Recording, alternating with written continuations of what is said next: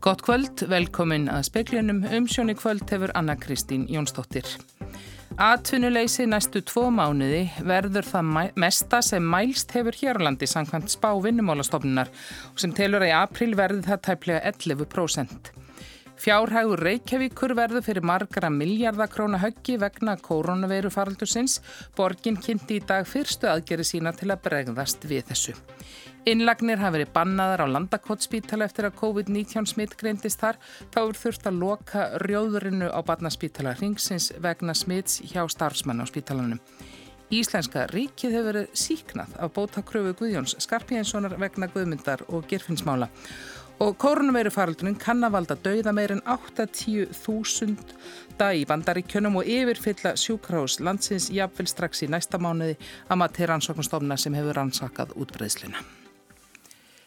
Spáð er að atunleysi næstu tvo mánuði verði það mesta sem mælst hefur hér á landi. Karl Sigursson, sérfræðingur hjá Vinnumálastofnun, segir að í næsta mánuði verði það nálagt 11%.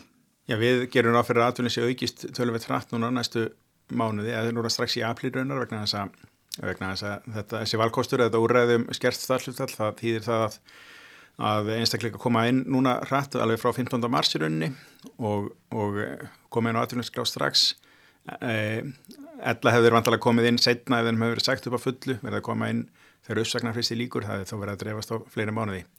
En við gerum áfyrir atvinninsir júki upp í þetta kannski 10-11% núna í april og verði áþægt í mæl ekki kannski eitthvað rítið eitt en að lækki svo neyri í svona 6-7% yfir sumamánuðina.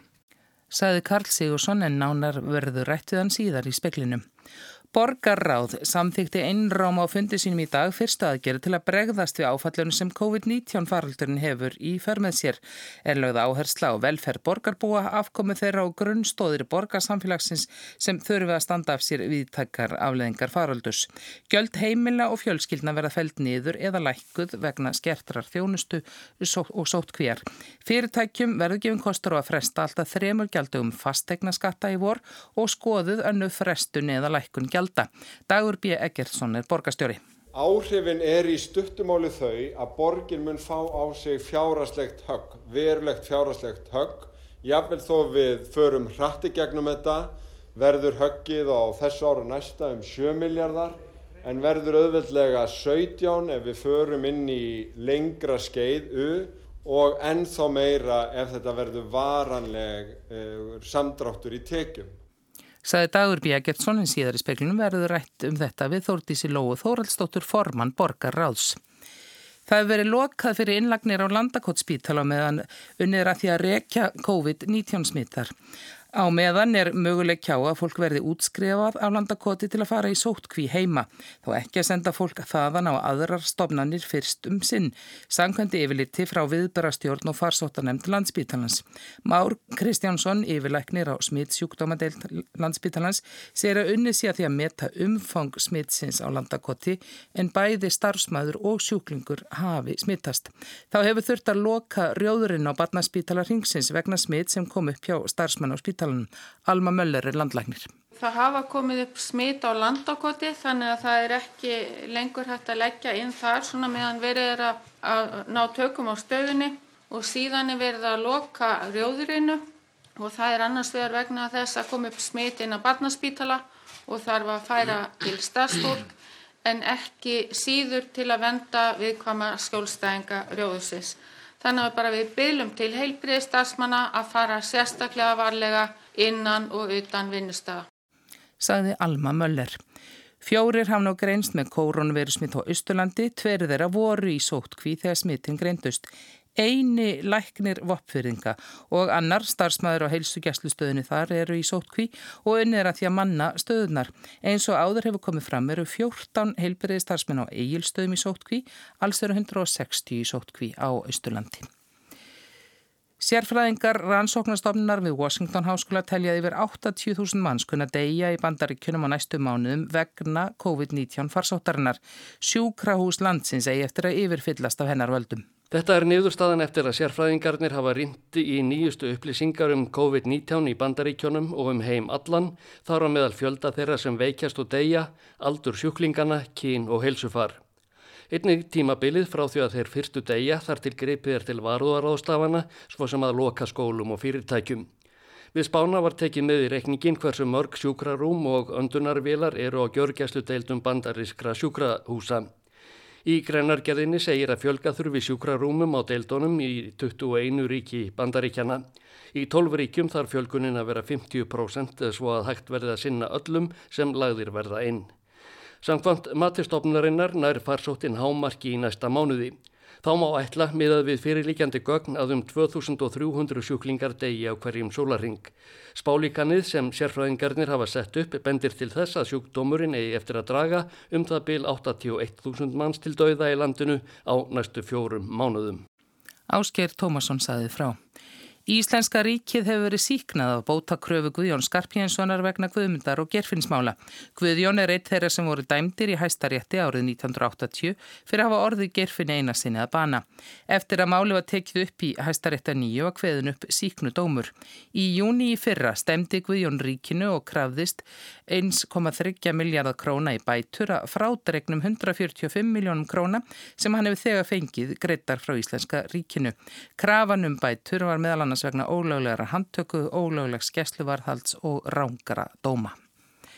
Hátt í 30 hótelum hefur verið lokað eða verður lokað innan skams vegna COVID-19 faraldursins. Ein hótelkeði er búin að loka 6 af 7 hótelum sínum og önnur 9 af 12 þar af öllunum með einu í Reykjavík. Stjórnendur hótela sem fréttastofa rætti við segja að gríðarlega erfitt verða takast á við næstum algjör tekjurhun næstum mánuði. Þeir segja aðgerri stjórnvalda sem þegar hafa verið kynntar hins vegar hjálpa til við að takast á við vandan í það minsta fyrstum sinn.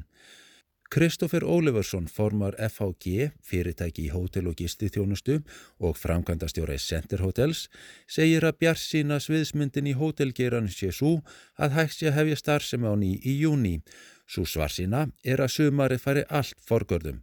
Það ráðist þó mest af aðstæðum út í heimi. Sama við hvernig talað er búið afpanta flestar bókanir í mars og april og áframfram í mæ og júni.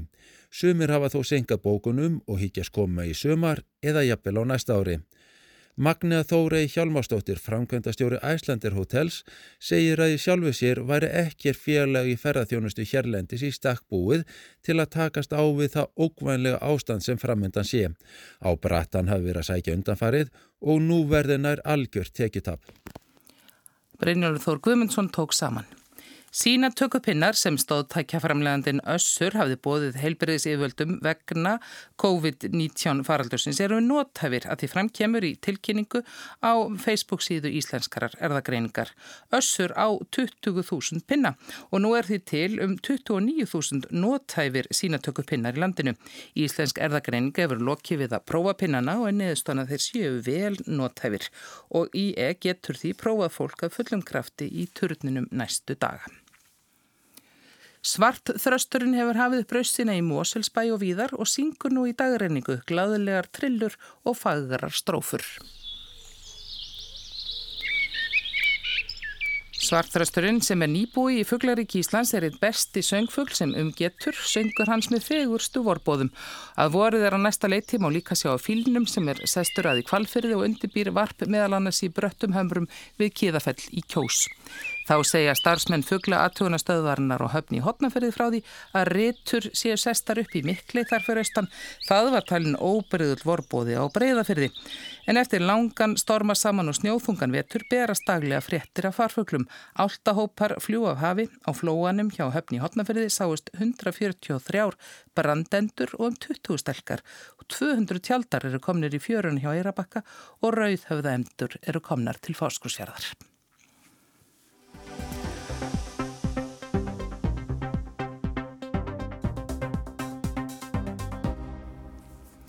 Og eins og við sögðum frá hér fyrir í fretton tímanu sögðum við að Reykjavíkuborg kynnti í dag aðgerið sem að gripið skal til í borginni vegna koronaveiru pestarinnar og sérstaklega þess fjárhanslega högg sem að borgin verður fyrir.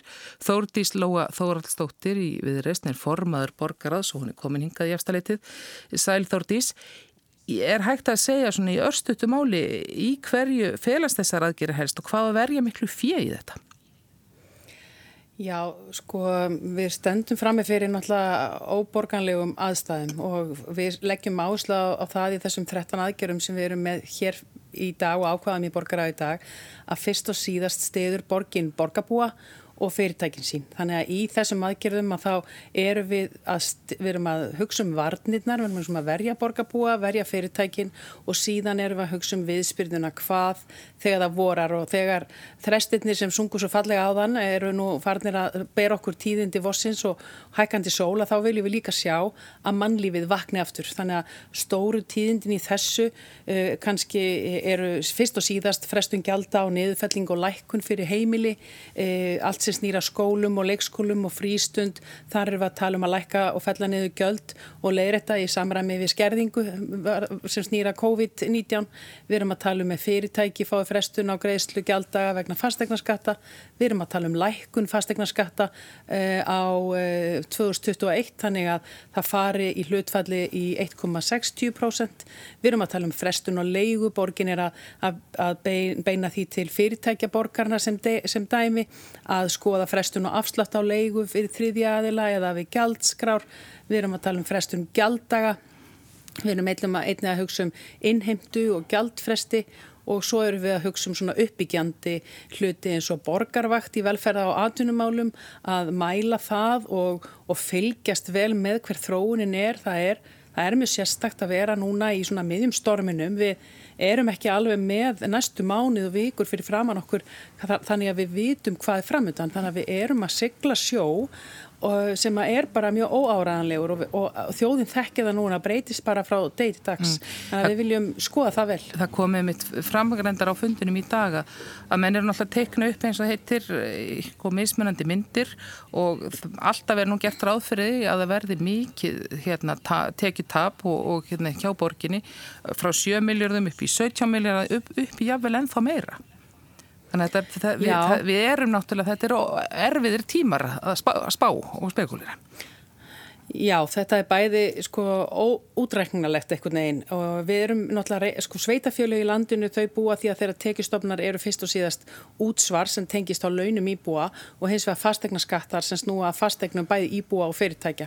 Og í gjörbreytum veruleika að þá erum við að sjá allt, allt aðrar tölur hvað varðar sveitafjöluinn og við erum að taka okkur mikið högg en við erum alveg tilbúin til þess, borgarsjóður stendur ágætlega, við erum mjög upptíkin að því að, að leita leiða til að setja þá líka svona innspýtingu inn, eitt af því sem við erum að fara að gera þar er til dæmis að læka fastegnaskatt á atvinnuhúsnaði sem hefur verulega mikil áhrif á framtíðina fyrir fyrirtækin og við erum náttúrulega leitast við það að svo lækun að hún deilist niður le til leyenda, til fyrirtækja sem er að leia af fastegna mm. eigendum þannig að, að þetta sitt ekki fast þar, heldur haldi áfram niður keðjuna.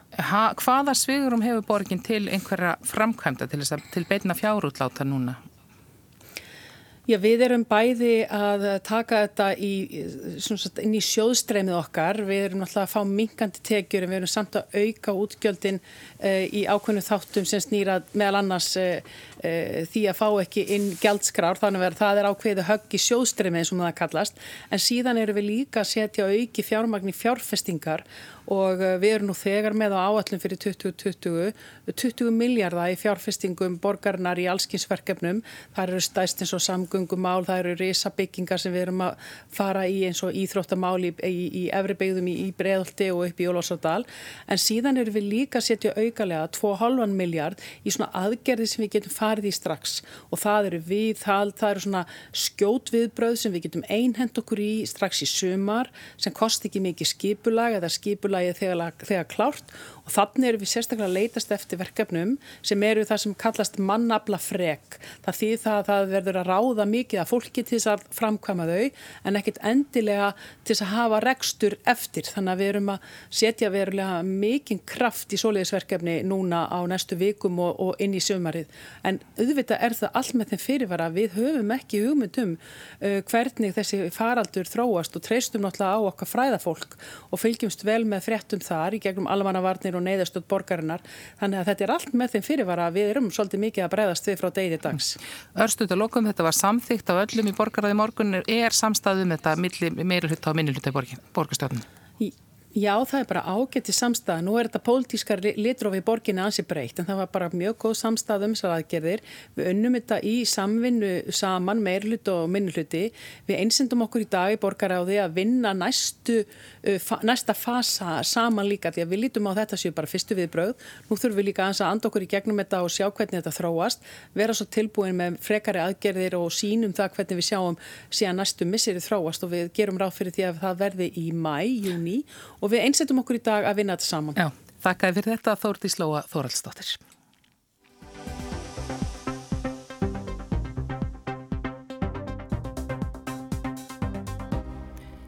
Vinnumálastofnun spáur því að atvinnuleysi næstu tvo mánuði verða mesta sem mælst hefur í Íslandi 10,8% í april og um 10% í mæ en farið svo lækandi. Atvinnuleysi yfir árið verðum 7,4% á því næsta um 6,4%. Áallega er alltaf 20.000 umsóknir berist um hlutabætur. Það má segja að atvinnuleysi hafi almennt ekki verið mikið á Íslandi á tímabilinu 1991 til 2007 var það meðaltalið 3,3%. Það rauk upp í bankarhunnum. Árlegt atvinnleysi var um 8 af 100 2009 og 2010. Mest fór það í 9,3% í februar 2010 sem var þá mesta atvinnleysi sem hafði mælst. Þá voru að meðaltala um 15.000 manns án atvinnum. Atvinnleysi á síðast ári var um 3% en fór að aukast í lok ársins og í byrjun þessa árs. Í februar var það komið í 5% að meðaltali á landinu. Staðan var mismunandi eftir landslutum en langt mest var það á Suðunisum 9,1%. Atunleysi meðal erlendra ríkisborgara er eða var talsvert eða um 11%. Staðan núna vegna remminga fyrirtækja í tengslu við útbreyslu COVID-19 er svo að aðgerðir og stöðningur stjórnvalda miðast við að fólk geti farið í hlutastarf og fengi bætur úr atvinnleysistryggingarsjóða á móti. Launafólk hefur ekki valið sér að minka við sig. Segja má að sá sem fer í 25% starfslutvall sé atvinnleysin nefnur 75%. Ef 1000 manns fara í 25% starfslutvall svara það til þess að 750 manns séu algjörlega án atvinnum. Í gær þegar opna var fyrir umsóknir um hlutabætur var stór hluti umsókna vegna 25% starfslutvalls. Búist er við að það geti breyst á næstu dögum og að meðal starfslutvallið hækki í útreikningum eða spá vinnumálastofnar er miða við að um 19.000 sækjum hlutabætur og að meðal starfslutvall verði 45 til 50%. Karl Sigursson, sérfræðingur á vinnumálastofnun, segir að atvinnleysið muni rjúka upp í næsta mánuði. En við gerum áfyrir að atvinnleysið rjúki upp í þetta kannski 10 til 11% núna í april og verði áþægt í mæl ekki kannski eitthvað rítið eitt en að lækki svo neyri í svona 6-7% yfir suma mánuðina. Vinnumálastofnir spáir því að meðal atvinnleysið á árunnu verði 7,4%. Það gæti verið skotið myrkrið því óvissan er mikil. Hásbá gerir áfyrir að meðaltalið geti farið yfir 8% og það ríkir líka óvissum stöðun á næsta ári. Stofnunin spáir 6,4% atvinnleysi þá.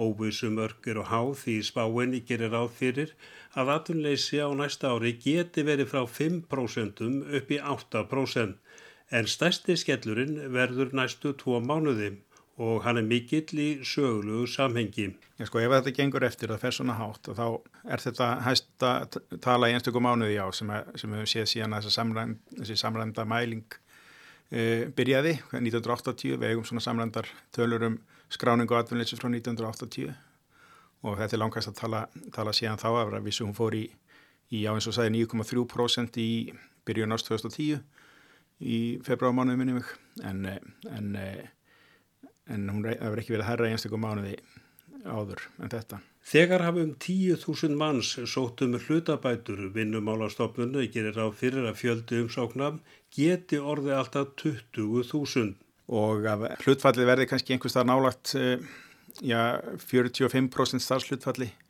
og þá 55% bótum á móti þannig að okkur sínist að þetta geta alveg gengið eftir þetta verða kannski, það getur auðvitað munað einhverjum túsundum til eða frá en, en þetta er allavega ljóst að þetta fer vel yfir 10.000 og, og kannski nær 20.000 þegar upp í stæðið. Næstu tveir mánuðir verða vestir að mati vinnumálastofnunar og svo fari að rofa til.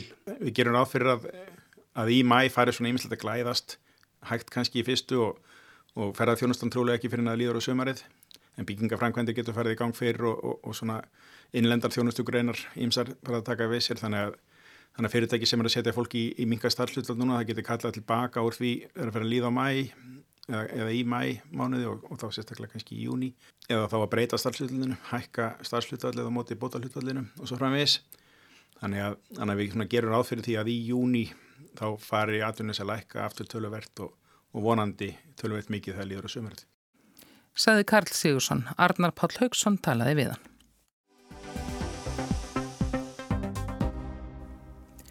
Breska stjórnin hefur hert mjög aðgerðir í vikunni vegna veirufaraldursins en það er sagt meira um lovorð en emdir, Sigrun Davísdóttir.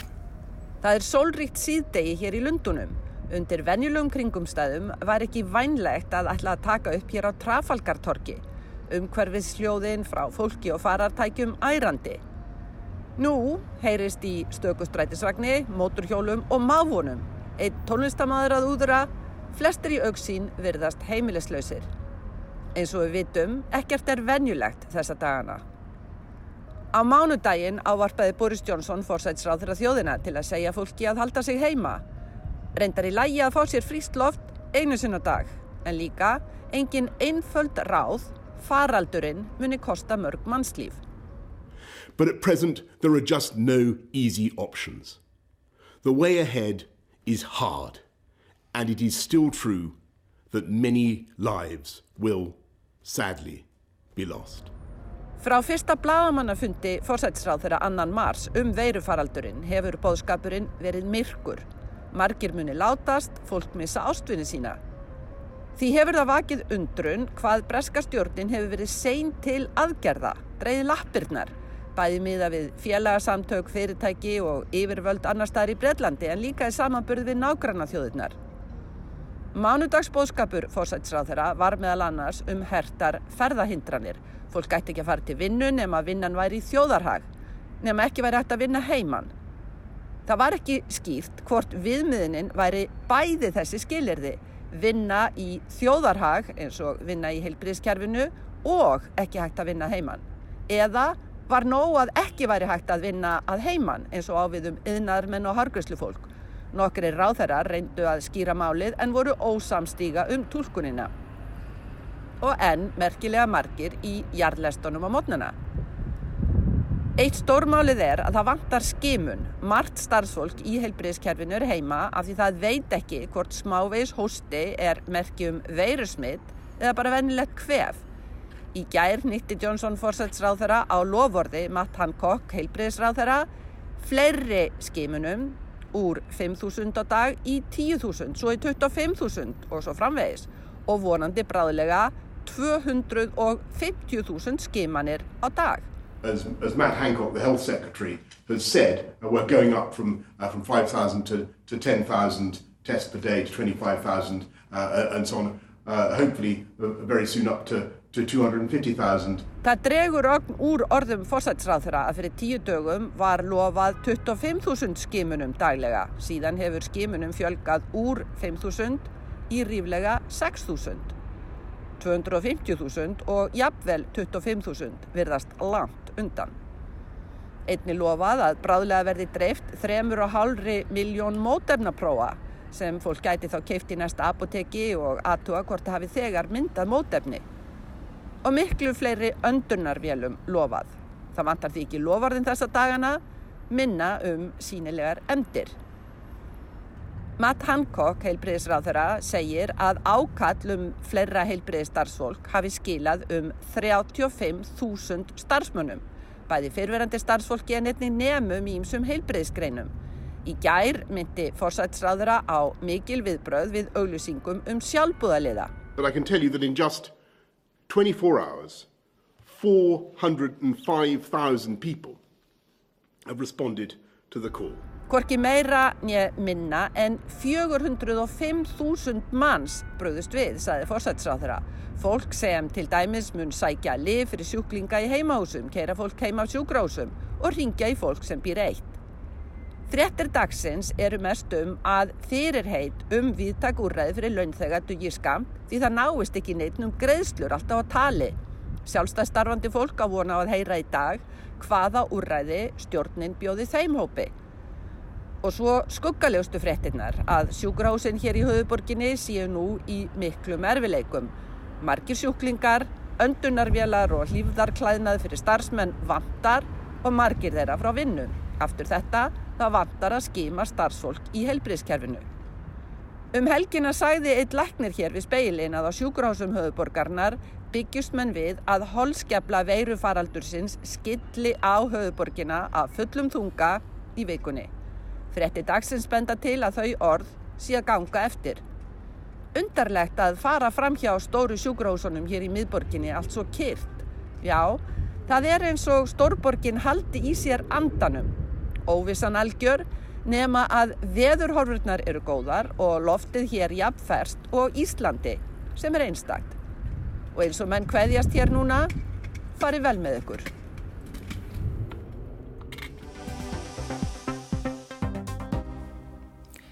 Eftir launa þegar í Moskvu láta fyrirmæli rúsneskara stjórnvalda um að halda sig heima nánast sem vindum eiru þjóta.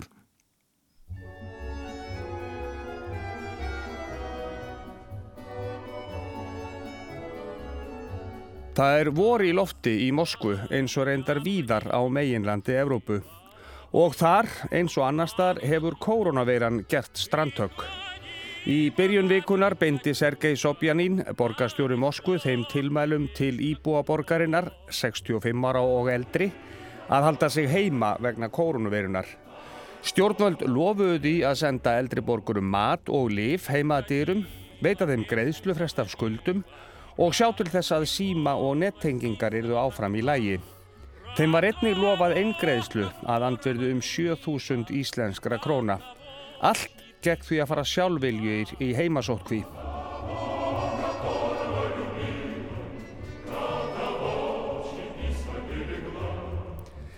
En það duð ekki til, segir dálkahöfundur rúsneska blæðisins Moscow Times. Hann segir að gamla fólkið sé á róli um alla Moskvu. Á lestar og strætisvagnastöðum, í kjörbúðum, livjabúðum, pósthúsum, böngum og görðum borgarinnar. Ástæðan er giska einföld, segir dálkahöfundurinn Ilja Klishin. Þetta fólk, sem allt er fætt fyrir 1955, hefur lifað tíman að tvenna, svo ekki sé meira sagt. Þetta fólk lifði af kúun Stalin tímabilsins eftir setni heimstyrjöldina, þar sem fólk svalt heilu og hálfu hungri.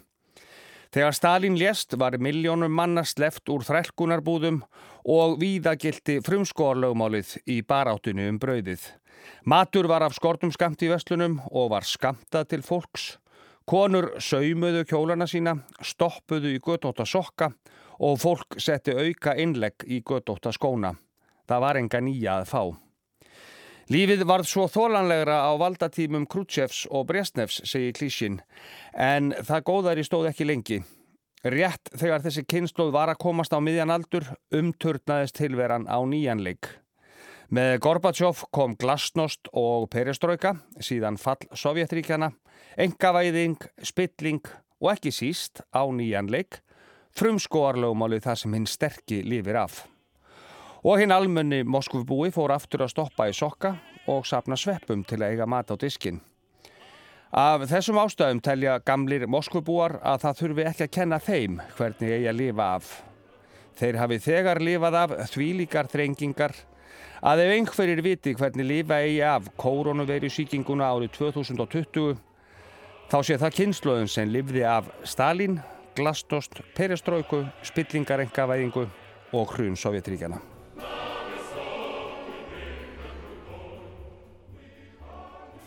Og þarna heyrum við Kór Rauðahersin syngja lagið um vorkomuna. Það var Jóhann Hlíðar Harðarsson sem tók pistilinn saman.